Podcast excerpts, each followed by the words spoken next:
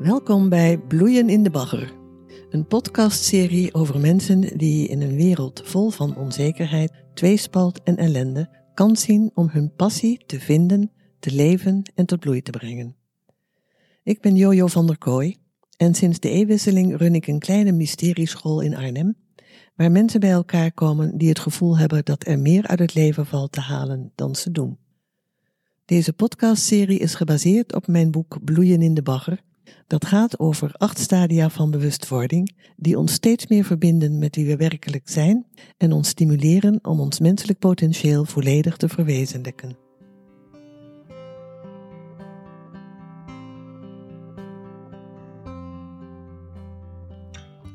Hier is de eerste aflevering van Bloeien in de Bagger. Vandaag gaan we het hebben over een onderwerp waarvan je zou kunnen zeggen dat het de hele mensheid draaiende houdt. Seksualiteit, intimiteit en emotie. Naast mij zit Arati Bonte. Nadat zij bij mij het Flowering traject voor groepsbegeleiding had afgerond, heeft zij zich ontwikkeld tot somatic sexological coach en trainer. In haar praktijk in Nijmegen loopt het storm van de mensen die op de een of andere manier niet goed raad weten met hun seksualiteit, waardoor er in hun relaties ook vaak problemen ontstaan. In dit gesprek zal blijken dat er nog heel wat te verbeteren valt aan de manier waarop wij onze voortplantingsdrift en onze tederheid vormgeven en beleven. Jij noemt jezelf somatic sexuological coach. Ja, somatic sexological coach en trainer. Ja. Kun je iets vertellen wat je daaronder verstaat? Hmm. Nou, wat ik daaronder versta is dat ik werk met mensen en met hun lichaam vooral. En wat er in hun lichaam gebeurt, maar ook wat er in hun leven gebeurt. En dat wordt dan het woord somatisch, dat gaat eigenlijk daarover. Over het lichaam, hè? ja, het gaat over het lichaam. Maar het gaat ook over ja, hoe de seksualiteit werkt en hoe mensen het beleven. En ik coach mensen daarin. Intimiteit, over relateren. Ja, veel jongere mensen begrijp ik. Ja, en dat ze net zo modderen als mensen van tussen de 50 en de 60 en de 70. Ja, en verklaart dat ook waarom veel jongeren dan terechtkomen bij die porno-dingen op het internet? Nou, ik weet niet of dat alleen uh, voor jongeren geldt. het geldt voor heel erg veel mensen. En eh, met name veel mannen, maar er zijn ook veel vrouwen die hun heil dan zoeken in porno. En dat gebeurt vooral omdat er. Uh, het is, je kunt dat natuurlijk heel anoniem doen. Hè? Je kunt gewoon in je eentje achter je laptop of je computer kun je, kun je dan seks bedrijven. En uh, kun je genot hebben, kun je ontladen. En je hoeft het er met niemand over te hebben, want, want dat heb je ook nooit geleerd, omdat dat iets is om, uh, om het over te hebben met anderen. Ja. Dus daar zit gewoon ook, er is ook een enorme schaamte in ontwikkeld, al door de eeuwen heen waarschijnlijk. Dus men praat er niet over. En hoe was dat dan in de zestiger jaren? Want toen was er. Uh, toen, ja, toen ben ik natuurlijk geboren, hè? dus ik ben, ja. ik ben van 61. Mm -hmm. Dus uh, ik, uh, en ik ben opgegroeid in een gezin waar er, er, nog best wel geleefd werd vanuit het gedachtegoed van de jaren 40 en 50. Dus ik had geen hippie-ouders. -hmm. Maar ik had wel een tante, de jongere zuster van mijn moeder. Die was, wel, die was ook bij de PSP. En die uh, ging ook bloot in een weiland op een koe liggen. En uh, weet je wat die allemaal deed. En die, had ook, die hadden ook vrije seks. Ja. Dus er is wel uh, na die, die, die, hoe heet dat? De verzuiling, die, die segmentering van al die religies is er wel. Uh, toen begon het al te jeuken, zeg maar. Hè? In de eind 50, begin 60 jaren. Toen wilden wilde mensen iets nieuws, iets. iets ja, die wilden gewoon uh, los. En, en um, ja, toen ontwikkelde zich dus die hele vrije seksbeweging. Ja. En het feminisme. Hè? De vrouwen die veel meer voor zichzelf op wilden gaan staan. En ook voor hun eigen seksualiteit op wilden komen. Ja. Dat, en toen kwam er ook heel enorm aan het licht hoeveel misbruik er eigenlijk was. En, uh, ja. ja, want het is, er is, daarna is er dan, zou je kunnen zeggen, ook weer een soort Puriteinse periode ge, gekomen. Waarbij de, de seks toch weer een beetje ja. in het taboehoekje terecht Ja, want het, het, het, ging natuurlijk zo enorm los in de jaren 60 en 70 dat daar ook heel veel schade is aangericht. Ja. Uh, bij vrouwen, bij mensen, bij jonge kinderen die in gezinnen opgroeiden waar de ouders uh, aan één stuk door uh, aan partnerruil deden en feestjes hadden en helemaal los gingen. Ja. En ja, daar zijn heel veel mensen beschadigd door geraakt. En toen is er ook wel ingezien van oei, ja, toch niet zo, eigenlijk toch niet zo fijn. Het is eigenlijk best fijn met iemand gewoon vast samen te zijn. Ja. Ja, ja ik, ik heb zelf ook, ik, ik heb het idee dat uh, de langere tijd met, met één partner samen zijn, dat dat een hele goede manier is om jezelf te leren kennen. Ook in de diepere lagen. Ja. Maar zeker als de, de eerste verliefdheden voorbij zijn hè, en je elkaar dan tegenkomt in je wat minder leuke aspecten. Ja, uh, dan, begint het eigenlijk. Dan begint het eigenlijk. Ja, dan begint het eigenlijk ja, pas. Hoe is dat bij jou gegaan in jouw uh, uh, relatie? In mijn relatie? Ja. Ja, wij zijn dit jaar 25 ehm, jaar getrouwd. Zo. dus dan maak je ook wel wat mee, inderdaad. Ja. ja. ja. Nou ja, ik ben natuurlijk. wanneer was dat? In 2006, denk ik. Ben ik bij jou terechtgekomen met mijn man, met Gert. Ja, eerst zou Gert alleen uh, bij mij die, ja, uh, dat, tra dat flowering traject komen ja, doen. en toen waren wij al, ook al een jaar of acht, denk ik, samen of zo. Ja. En um, ja, ik zat een beetje als een zuurpruim thuis met twee jonge kinderen. En ik had, uh, was ervan overtuigd dat ik, ik zie je lachen. maar dat weet de luisteraar niet. Hè? Als een zuurpruim thuis met Ja, maar dat was ook zo. Hè? ik, ik, was, ik was er zo van overtuigd dat ik, uh, dat ik de goede keuze had gemaakt. En ik kon daar natuurlijk niet zomaar van afstappen van dat hele idee. Dat ik eh, dat ik de keuze had gemaakt om thuis te zijn met de kinderen en dan niet te werken. En ik vloog tegen de muren op. En, maar ik, ik bleef gewoon zitten in die kramp van ik moet alles netjes goed in orde hebben. En uh, uh, ja, alles moet gewoon zijn zoals ik denk dat het moet. En dus moet die man van mij zich ook maar gedragen naar mij toe. En hij moet gewoon braaf thuis blijven en mij niet alleen laten. Ja, dus ik had daar allerlei ideeën over.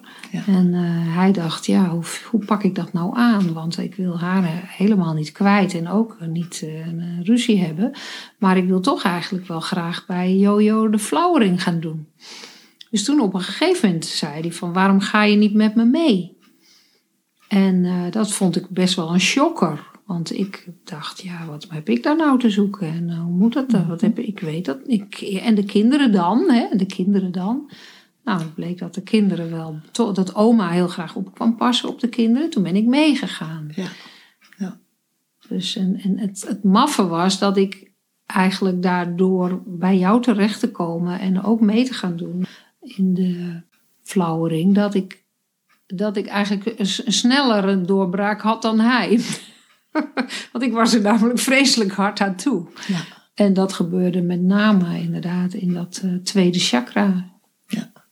stuk. Ja, ik ben wel benieuwd wat, je, wat er in, in die twee, drie jaar hè, dat je bezig bent geweest met flowering. Hè? Eerst, uh... Veel langer, volgens mij. Die, ja, dat, dat eerste jaar dat duurde twee jaar, maar we deden daarna nog... Uh, gardeners. En toen ben ik nog gaan assisteren. Oh ja, de dus ook nog heel veel gardeners, gebeurd. Dat waren de tuiniers in de Hof van Heden. Precies. Ja.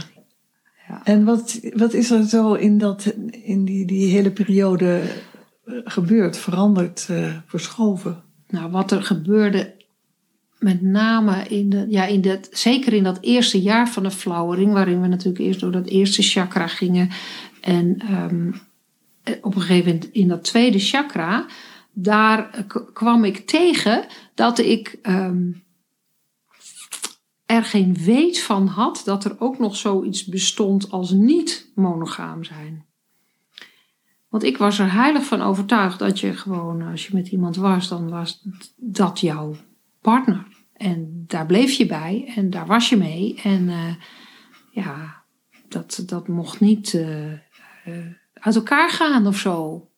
Alleen in, bij jou ontdekte ik dat er dus andere vormen waren. En dat er dus ook mensen zijn die, die gewoon meerdere vriendinnetjes hebben. En ik ontdekte dus ook dat daar dan inderdaad heel veel stress bij komt kijken. Tussen die vriendinnetjes. in die groep waar ik in zat. En uh, ja, dat zette mij wel aan het denken. Dat deed, dat, dat deed wel veel met mij. Omdat ik me toen ook realiseerde van ik heb, heb eigenlijk helemaal geen gevoel in mijn vulva en ik heb helemaal geen gevoel in mijn bekken. En ik heb ook al inderdaad al jaren niet meer echt gevreden. En uh, ik, ik denk wel dat er misschien iets aan mij mankeert, maar, maar ik voel ook niks. Dus, en door dat, bezig zijn met die seksualiteit en met al die verschillende dynamieken die daar om mij heen plaatsvonden, werd er dus iets in mij wakker. En ook natuurlijk door alle processen die wij hadden met elkaar. En de oefeningen en zo. Ja. werd ik helemaal uh, een soort van alles ging stromen. En, en uh, begon ik me te realiseren van verhip, ik heb dus wel een vulva die ook nog voelt. En uh, er, is dus van alles mogelijk.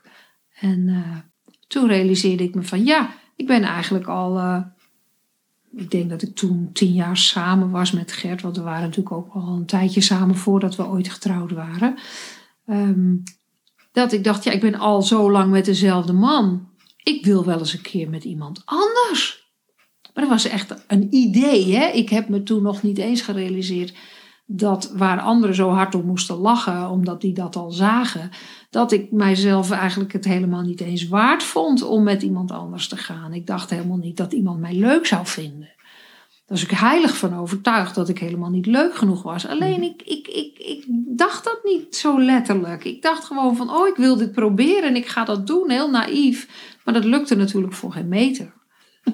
Ja, ik heb het wel. Maar het, het, de openbaring was heel erg belangrijk. En dat ik mijn lijf weer, weer, ging stromen en dat dat zo wakker werd. Ja. ja. Maar op een goed punt ging uh, jouw partner, uh, ging het ook een beetje. Ja, dat is, was wel. Ik herinner me nog wel een intensieve ontmoeting uh, met een van de deelnemers. Ja, maar dat was niet toen. Dat was niet toen. Dat was, dat was, dat was echt later, een paar hè? jaar later. Ja, dat was. Dat was um, ik denk toen, toen ik aan het assisteren was bij jou. Ja. In een groep. En toen ging hij dat ook af en toe doen. Ja.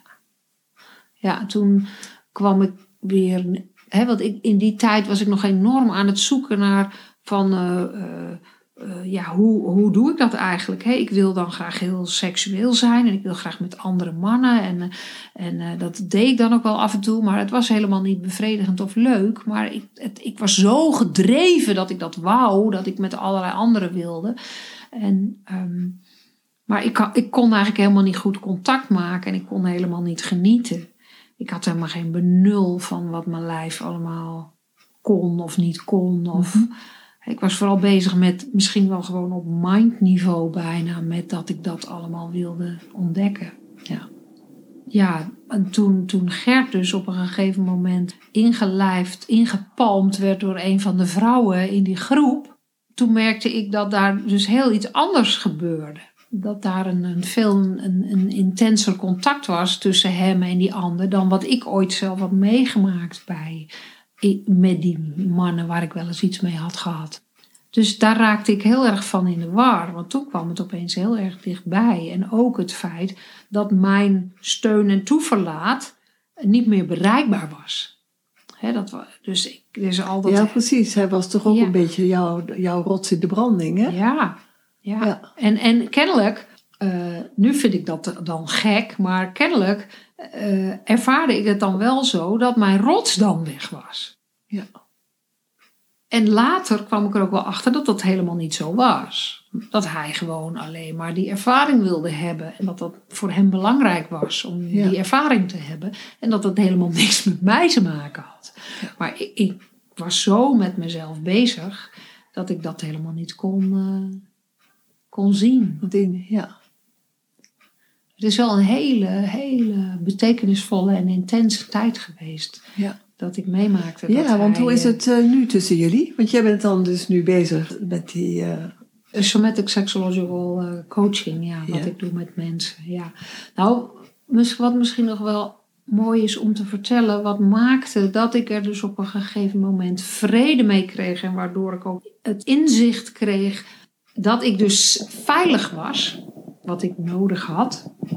En wat ik denk ieder mens nodig heeft, in wat voor relatie, situatie dan ook. Uh, dat is dat ehm, ik heel erg diep door het stof ging, uh, omdat ik het zo vreselijk erg vond. Ik haalde alle toeters en bellen uit de kast. Ik was werkelijk uh, niet te houden, zo boos en hysterisch als ik was over het feit dat hij met die andere vrouw ging. En um, doordat jij mij dwong om hier te blijven in deze groep. want ik, ik wilde weggaan. En jij zei toen tegen mij: Als je nu weggaat, kom je er nooit meer in. en toen dacht ik: Oei, nou wordt het serieus. dit, dit kan niet. Dit kan niet. Dit kan niet. Ja. En toen ben ik gebleven. En uh, ik herinner me dat in die setting met deze vrouw erbij en met Gert erbij, waar ik zo opzet over was dat zij het zo leuk hadden met z'n tweeën en dat ik, dat ik er dus niet bij had gemogen. Kwam, gebeurde er opeens iets met mij. Door, door het delen van iedereen, ook van die vrouw, realiseerde ik mij opeens dat er een. Um, dat ik het eigenlijk helemaal niet wou dat ik er buiten stond dat ik erbij wilde horen en dat ik in verbinding wilde zijn met mhm. die vrouw en met Gert. En dat er dus een, een ja, het was net alsof de lucht ging zinderen of zo. Opeens wist ik van verhip, het enige wat ik eigenlijk wil en wat andere mensen ook eigenlijk allemaal altijd willen, dat is één zijn met elkaar.